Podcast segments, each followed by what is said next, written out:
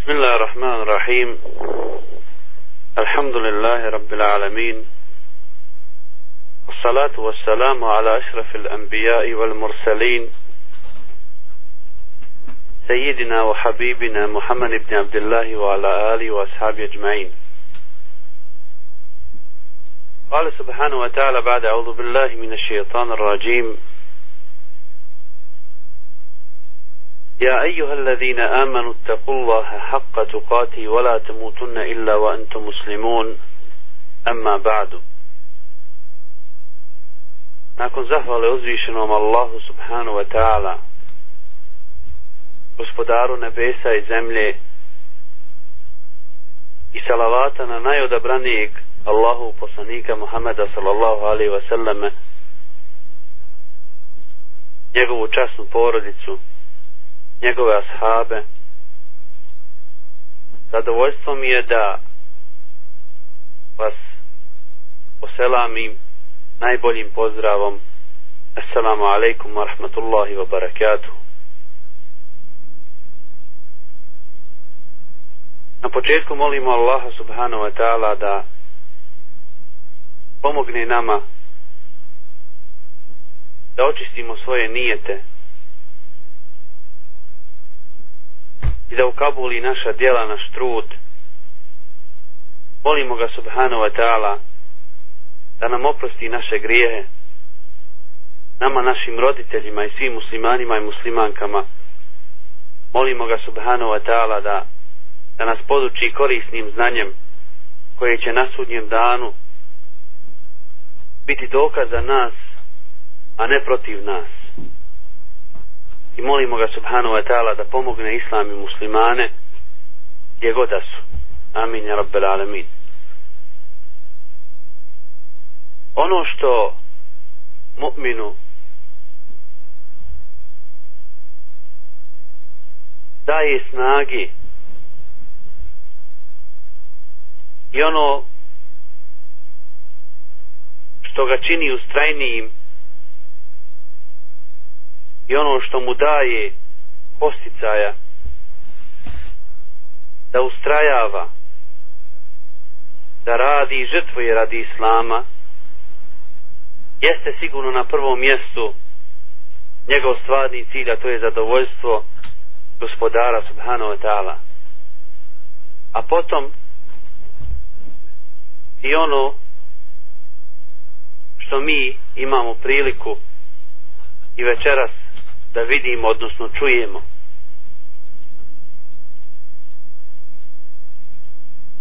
Da spoznamo da iako u ovom vremenu i društvu u kojem živimo, pored gomile nereda, nemorala i zla kojeg je oko nas, postoji grupa ljudi koji u svome životu svojim riječima svojim dijelima traže Allahovo zadovoljstvo. I dok drugi ovaj život vide prilikom da se provedu da uživaju da se odaju svojim strastima ima i oni kojima taj život predstavlja samo most ili jednu čupriju koju bi on trebao da pređe. Ne osvrćući se na izgled tog mosta da li on ovakav ili onakav koliko vrijedi jer zna da mu je on samo sredstvo putem kojeg dolazi do stvarne vrijednosti. U samom planiranju ove medrese i ovog druženja imali smo za namjeru i cilj da napravimo jedno uvodno predavanje da se napomenemo svi zajedno o nekim bitnim stvarima vezani za našu vjeru islam, za izučavanje islama i žrtvovanje radi Allaha subhanahu wa ta'ala. Iako je ono bilo zamišljeno da bude na početku, međutim, zbog malih izmjena, mi ćemo iskoristiti ovaj drugi večerašnji termin da govorimo o tome. I hvala Allahu na ukazanoj časti da baš onaj koji treba da govori o tome budem ja. I svi mi koji vidimo vrijednost ovakvih projekata i vrijednost onoga što nam olakšava da spoznamo našu vjeru, da se družimo s onima i čujemo s onima i razmijenimo mišljenje sa onima koji nikad možda u životu nismo ni vidjeli, niti ćemo pitanje je li ikada imati priliku da uživo vidimo. Na nama je da molimo Allaha subhanahu wa ta'ala da ljude koji svoje vrijeme i svoj metak troše baš radi toga da bi olakšali braći i sestrama po vjeri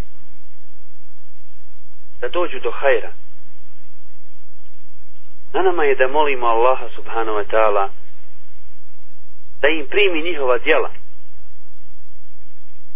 da im podari bereketa u nafaci i da im olakša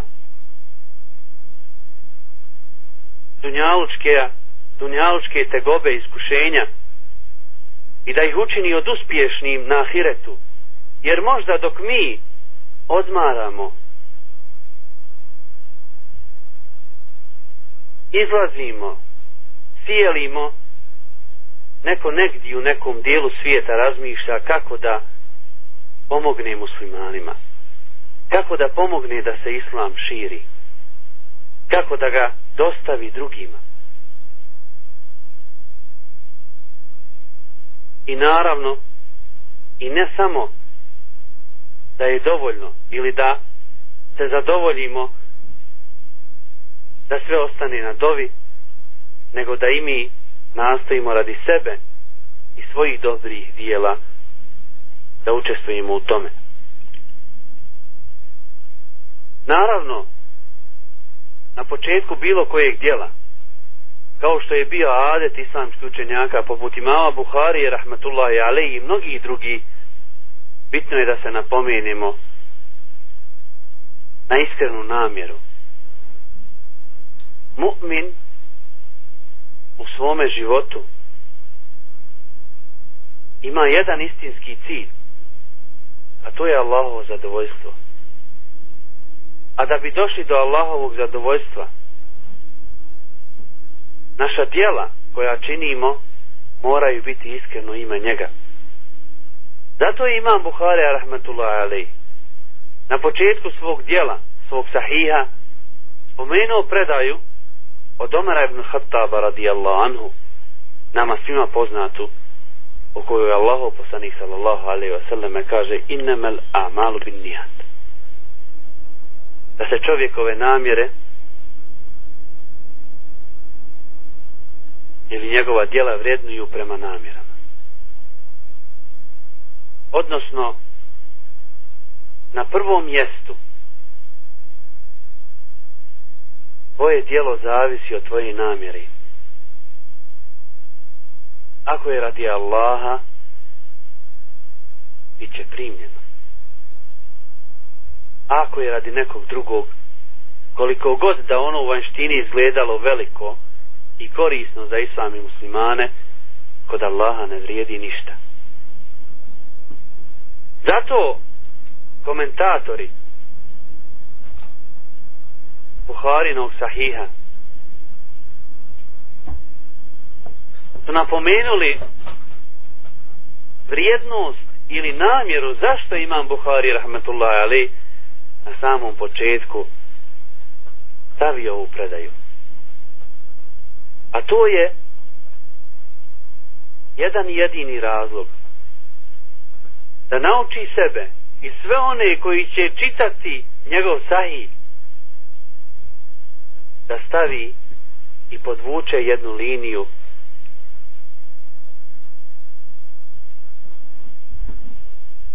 pojašnjavajući da bilo koje dijelo koliko god da ga činio ili želio da ga učiniš moraš očiti svoju namjeru zato su islamski učenjaci pojasnili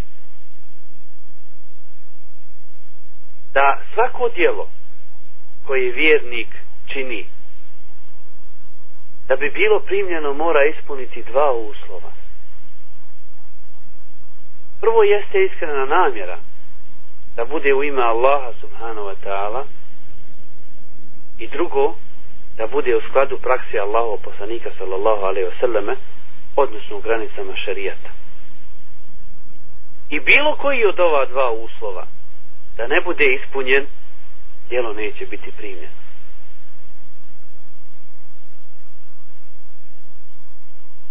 U sahiju imama muslima, rahmatullahi alaihi Allahu poslanik sallallahu alaihi wa sallame je rekao, a to nam je prenijela majka pravovenja Iša radijallahu anhu, men amila amelen, lejse alihi emurna fehuret.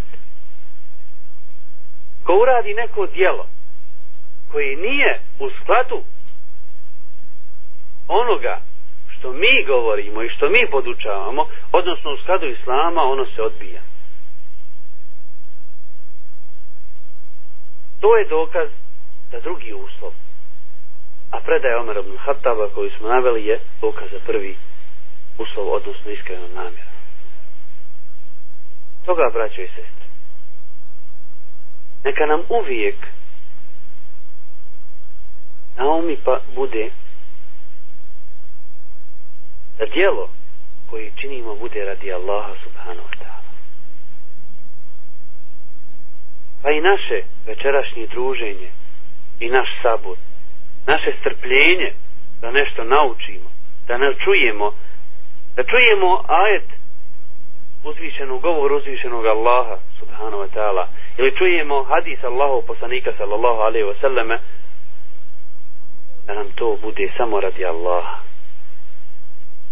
Ne da bi mogli sutra se nadgovarati i prepirati s nekim. Ne da bi neko rekao koliko mi znamo, nego radi Allaha subhanahu wa ta'ala. Da naučimo radi sebe. A potom i da prenesemo drugima. A ne zbog nečeg drugog. Takođe mi moramo biti svjesni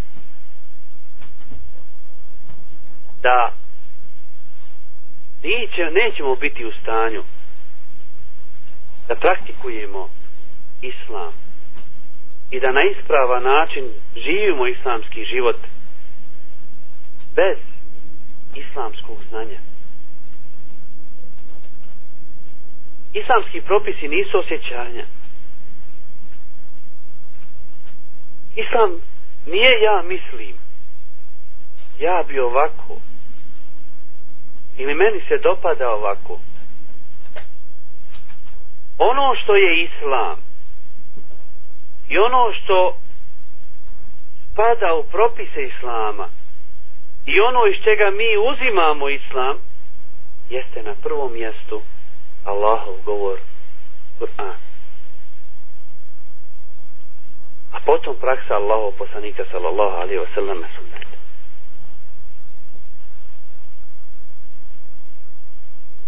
Dva osnovna izvora islama iz kojih mi crpimo propise vjere i na osnovu njih mi razumijevamo islam. Na osnovu njih mi praktikujemo svoje ibadete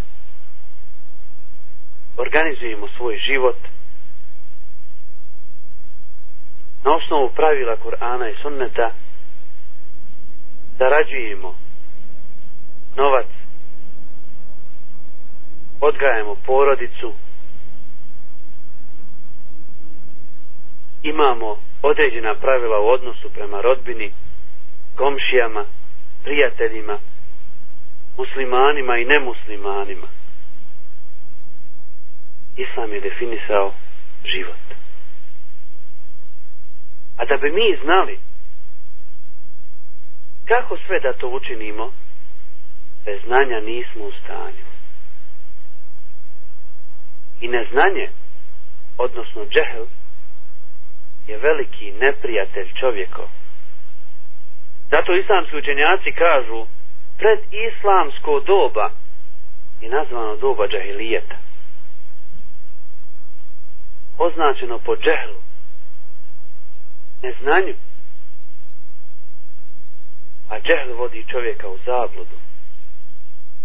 Zbog neznanja, danas mi smo svjedoci da mnogi muslimani podržavaju mišljenja zapada o posvatanju islama ili njegovih određenih propisa.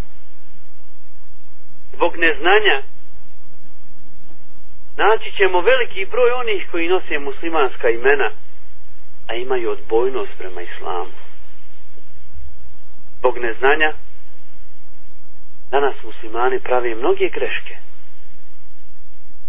Na jednoj strani, u pretjerivanju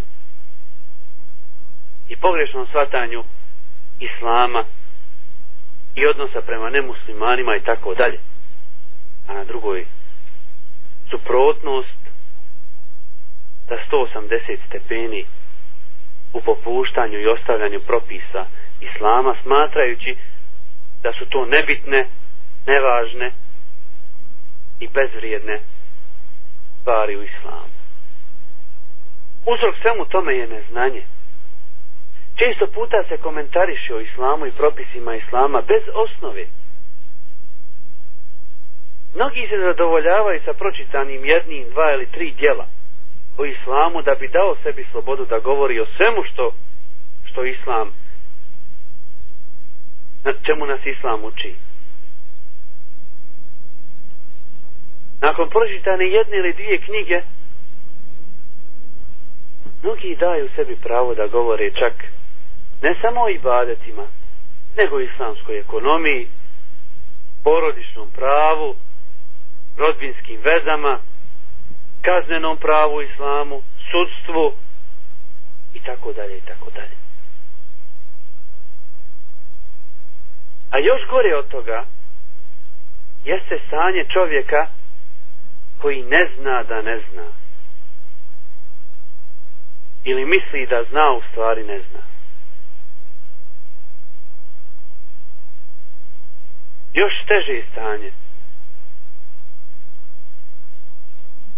jer njemu treba dokazat da on ne zna.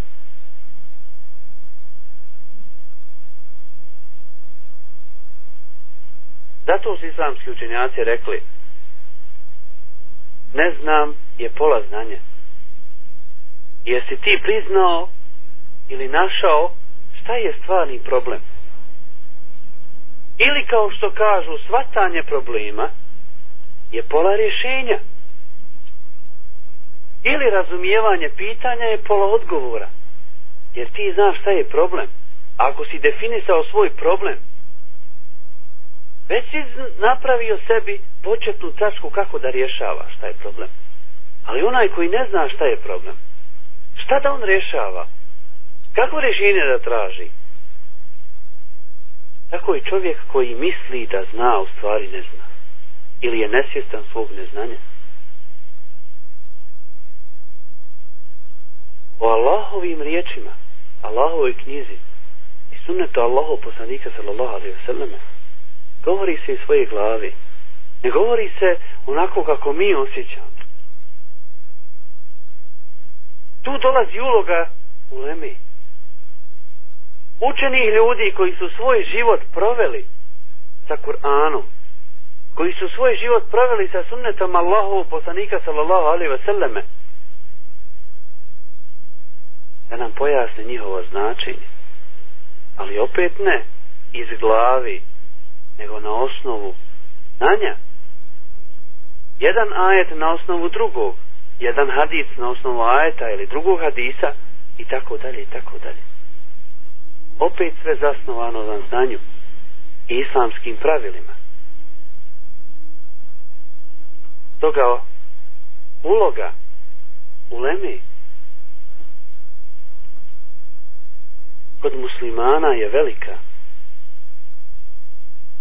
Ali kad kažemo uleme mislimo na one koji su spoznali i naučili propise islama i sami ih primijenili u svom životu i primjenjuju ih i pozivaju druge tome.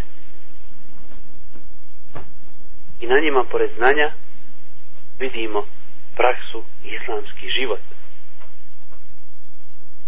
I nemojmo pasti na šeitansku vesvesu da mislimo da je znanje naš cilj. Znanje je sredstvo znanje je sredstvo kojim dolazimo do cilja mi učimo kako da uzima kako, koji su propisi abdesta da bi znali kako da uzmemo abdest ili da bi znali šta kvari abdest. Mi učimo propise namaza da bi znali kako da obavimo namaz. Ili šta kvari namaz. Mi učimo propise posta da bi znali kako da musliman posti. A ne da bi znali, da bi ispominjali, da bi o njima samo pričali, nego da bi naučili kako u praksu da primijeni. A prikupljanje znanja bez prakse je samo jedan teret koji čovjek stavlja na svoja leđa i koji će na sudnjem danu biti dokaz protiv njega. Znanje je da se praktikuje. Znanje je da se živi. Ovdje je greška. Kada vidimo da mnogi muslimani svoju knjigu, svoju svetu knjigu Kur'an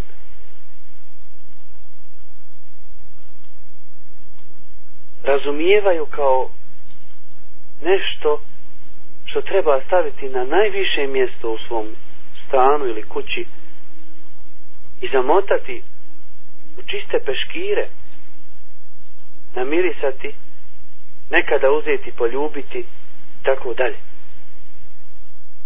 Nažalost pogrešno jer Kur'an je pravilnik. Uči nas kako da živimo a ne da ga čuvamo kod sebe stavljamo negdje gdje će samo prikupljati prašinu. Mnogi bi uvrijedilo da neko istigne stranicu Kur'ana, da pocijepa Kur'an, da stane nogom na njega ili tako dalje i tako dalje. Međutim, danas na hiljade je onih koji nose muslimanska imena, a gaze u značenju Kur'an gazeći njegove propise odnosno ne primjenjujući ga u svom životu. Mi time skrnavimo Kur'anska načela. U bilo kojoj državi. Niko vas neće razumjeti i oprostiti vam grešku da napravite prekršaj da uradite nešto protiv zakonito. I dođete na sud i onda vi kažete sudi, sudija ja u svojoj kući imam zakon ove države imam ustav, imam sve. Šta će ti to pomoći? Kad si ti napravio nešto protiv tog zakona? Neće se ni obazirati na tvoje riječi. I Kur'an je zakon. I Kur'an je pravilnik. Ne živjeti po njemu. Znači kršiti, gaziti njegove granice.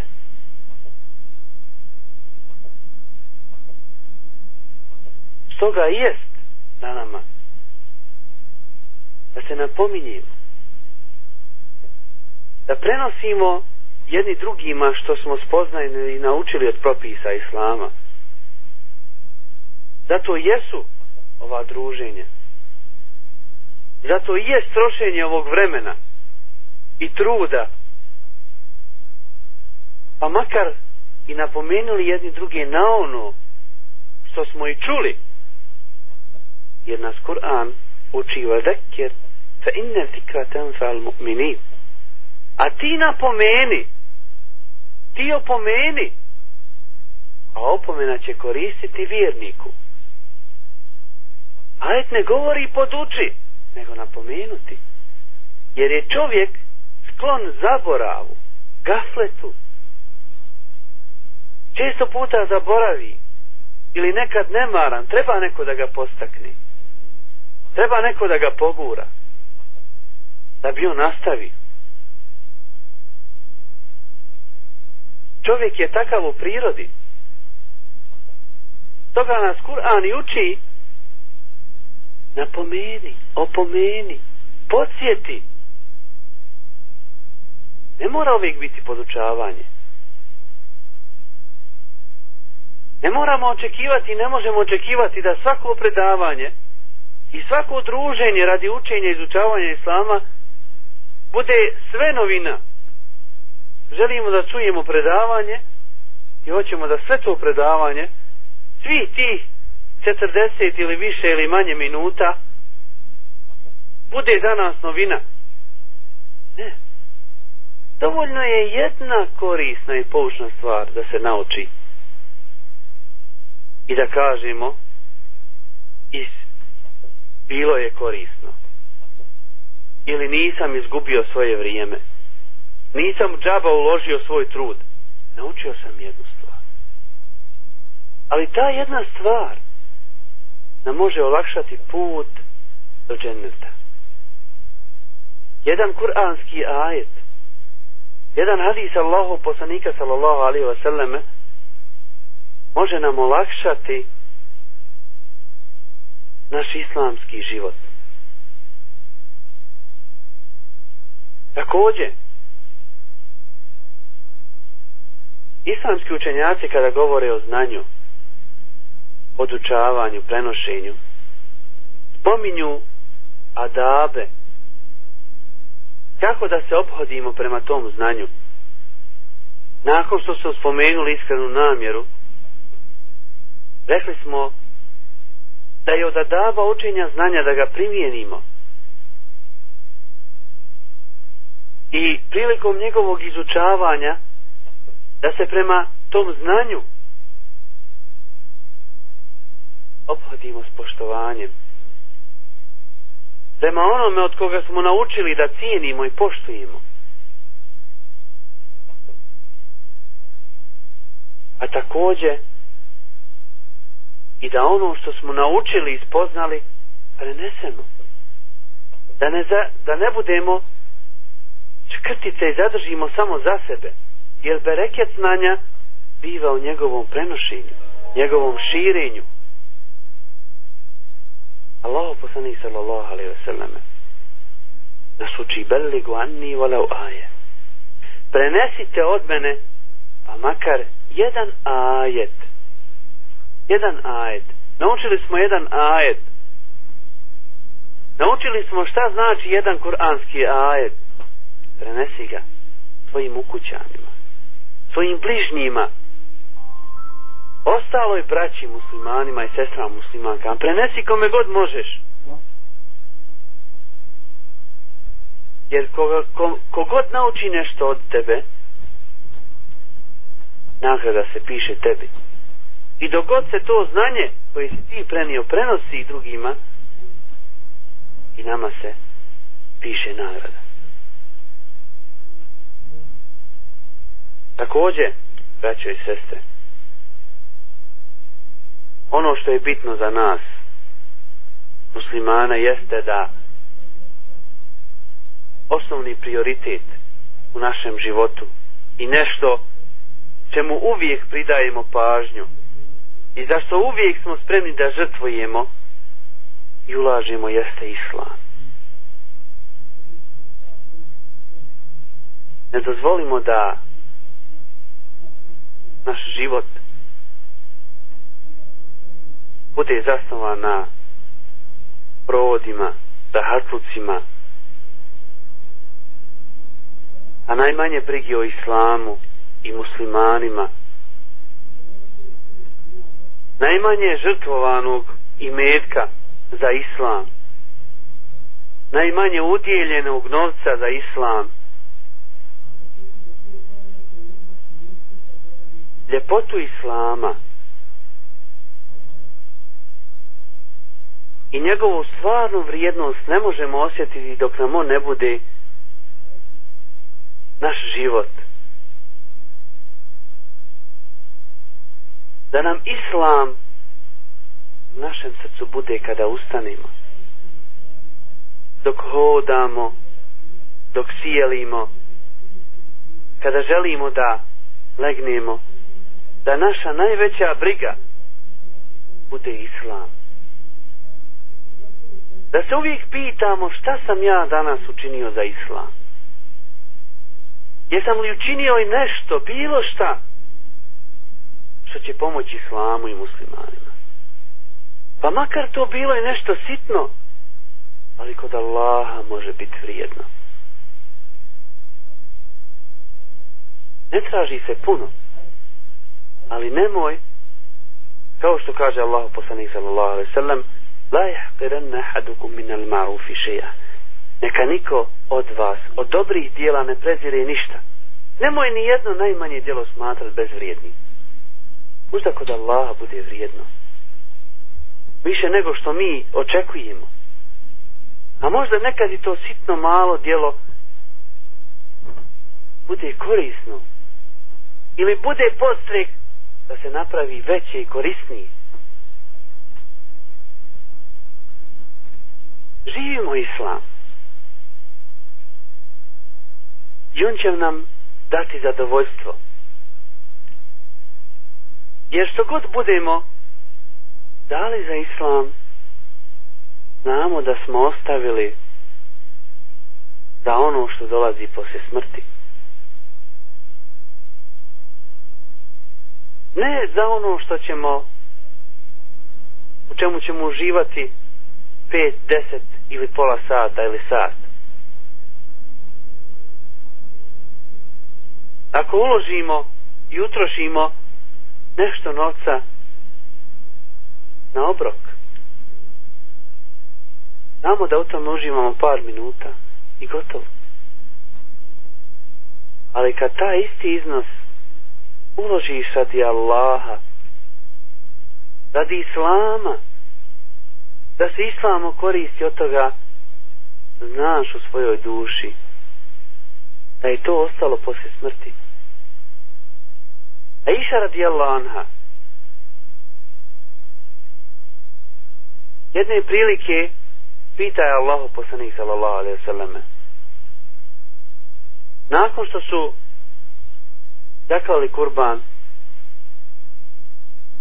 Pita je poslanik sallallahu alaihi sallam a iša šta je nama ostalo od onog mesa jel, kojeg smo zaklali? A mi znamo da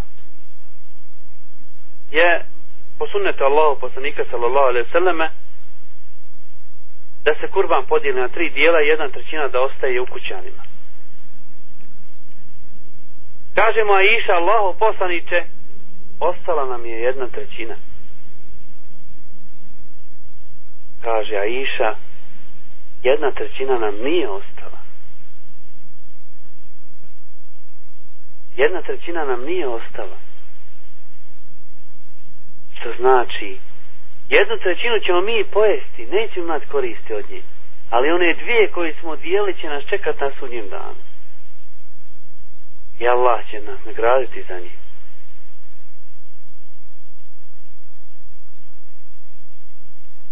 Iz toga istinsko žrtvovanje biva radi Allah. Kad mi budemo ustajali radi Allaha, radili radi Allaha, odmarali se radi Allaha i u svoju postelju ligali radi Allaha i sa Allahovim imenom i naša briga i najveća jedina bude Islam. Možemo očekivati napredak. Možemo očekivati bolje sutra. Zadovoljstvo duši. Allah poslanik sallallahu alaihi wasallam napominje da slast imana neće osjetiti osim onaj kome Allah i njegov poslanik budu draži od svega na dunjalu. Allahovi propisi sunnet Allahu poslanika sallallahu alaihi wasallam na prvom mjestu tad ummet čekuje hajr. Tad čovjek osjeti zadovoljstvo duše. Kad zna da je njegova najveća želja, njegova najveća briga Allahovo zadovoljstvo. A sve pored toga je bezvrijedno. Prolazno i nešto što je vremenski ograničeno. pa neka učenje Allahovi propisa druženje radi učenja Allahove knjige radi spozna i suneta Allahov poslanika sallallahu alaihi wasallam i ovakva druženja. Da ono što nam je Allah dao od tehnike iskoristimo u, u ono što istinski vrijedi radi njega subhanahu wa ta'ala.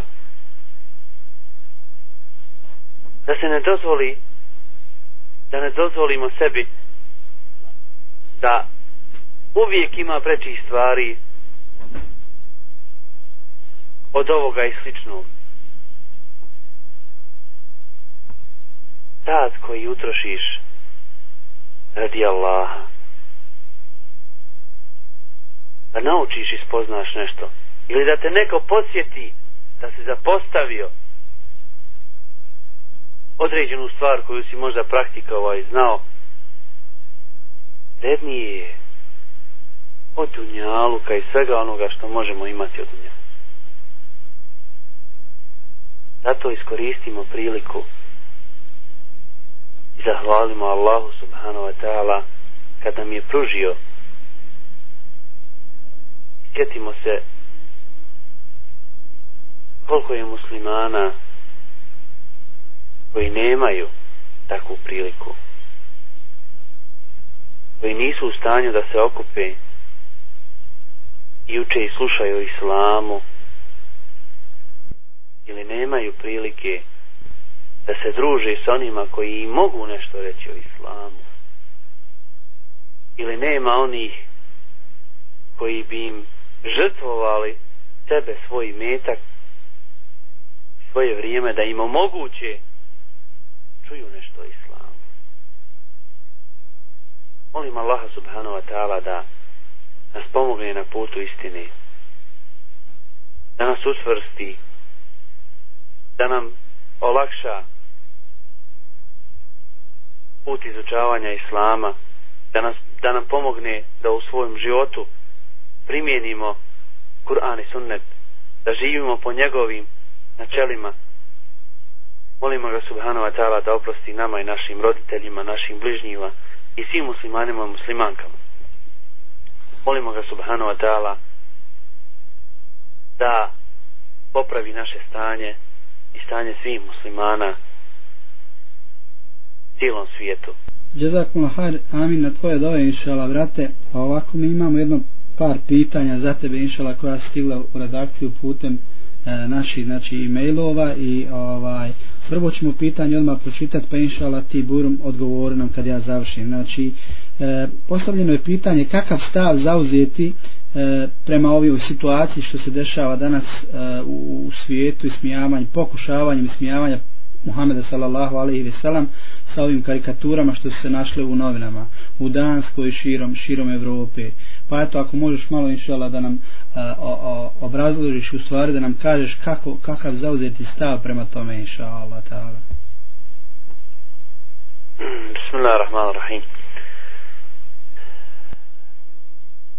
Govoriti o ovakvim jel, stvarima e, preče je da kažemo možda da se prepusti prilika, jel, ako imamo mogućnost da kontaktiramo sa učenim ljudima, ali uglavnom na muslimanima je obaveza da stanu u zaštitu svetinja Islama na onaj način koji im je omogućen da protestuju protiv takvih stvari i ne dozvole da se šire i smijavaju svetinje Islama putem medija putem jel, novine radija, televizije ili na bilo koji drugi način koji je omogućen svakom muslimanu što je omogućeno da izrazi protest.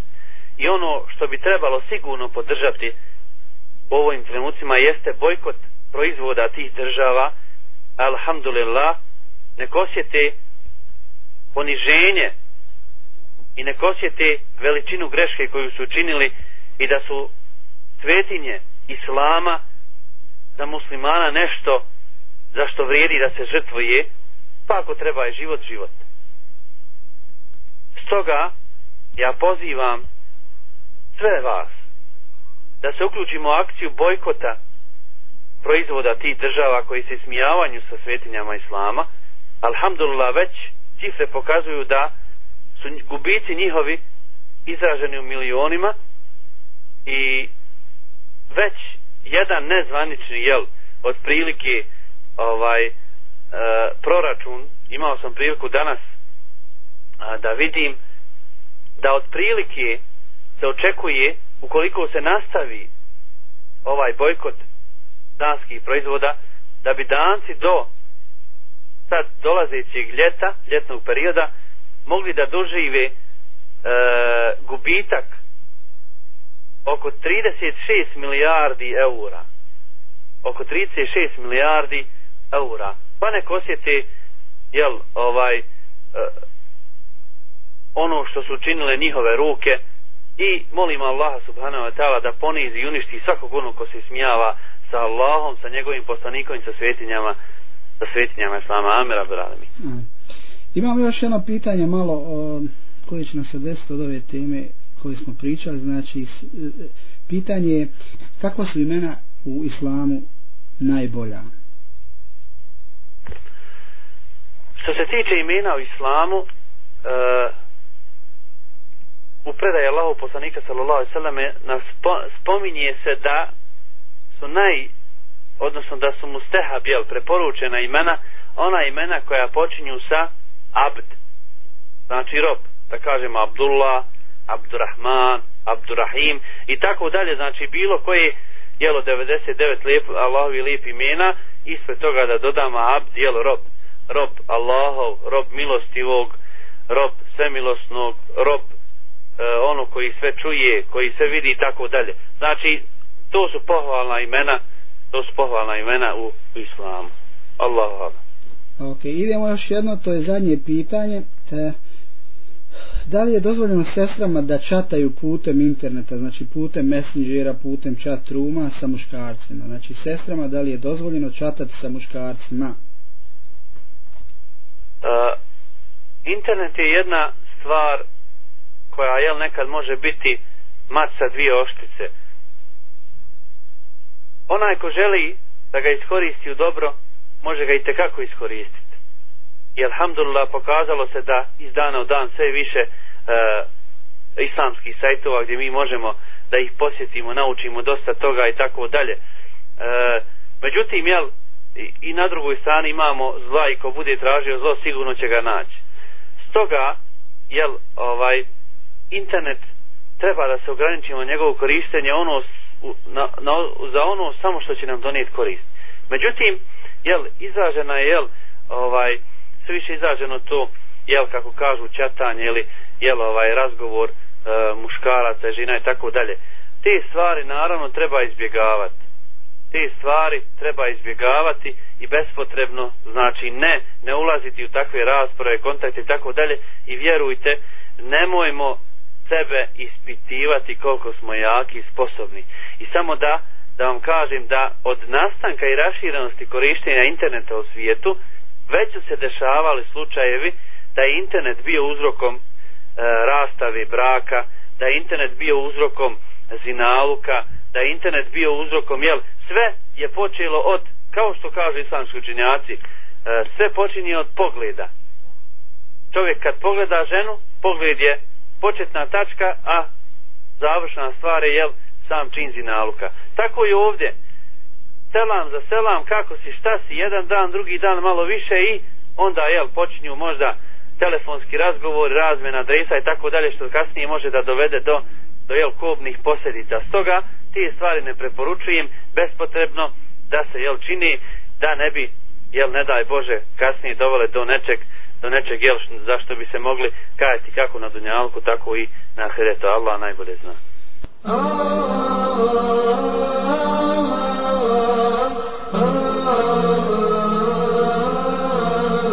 Islamski davatski servis online studio Dini.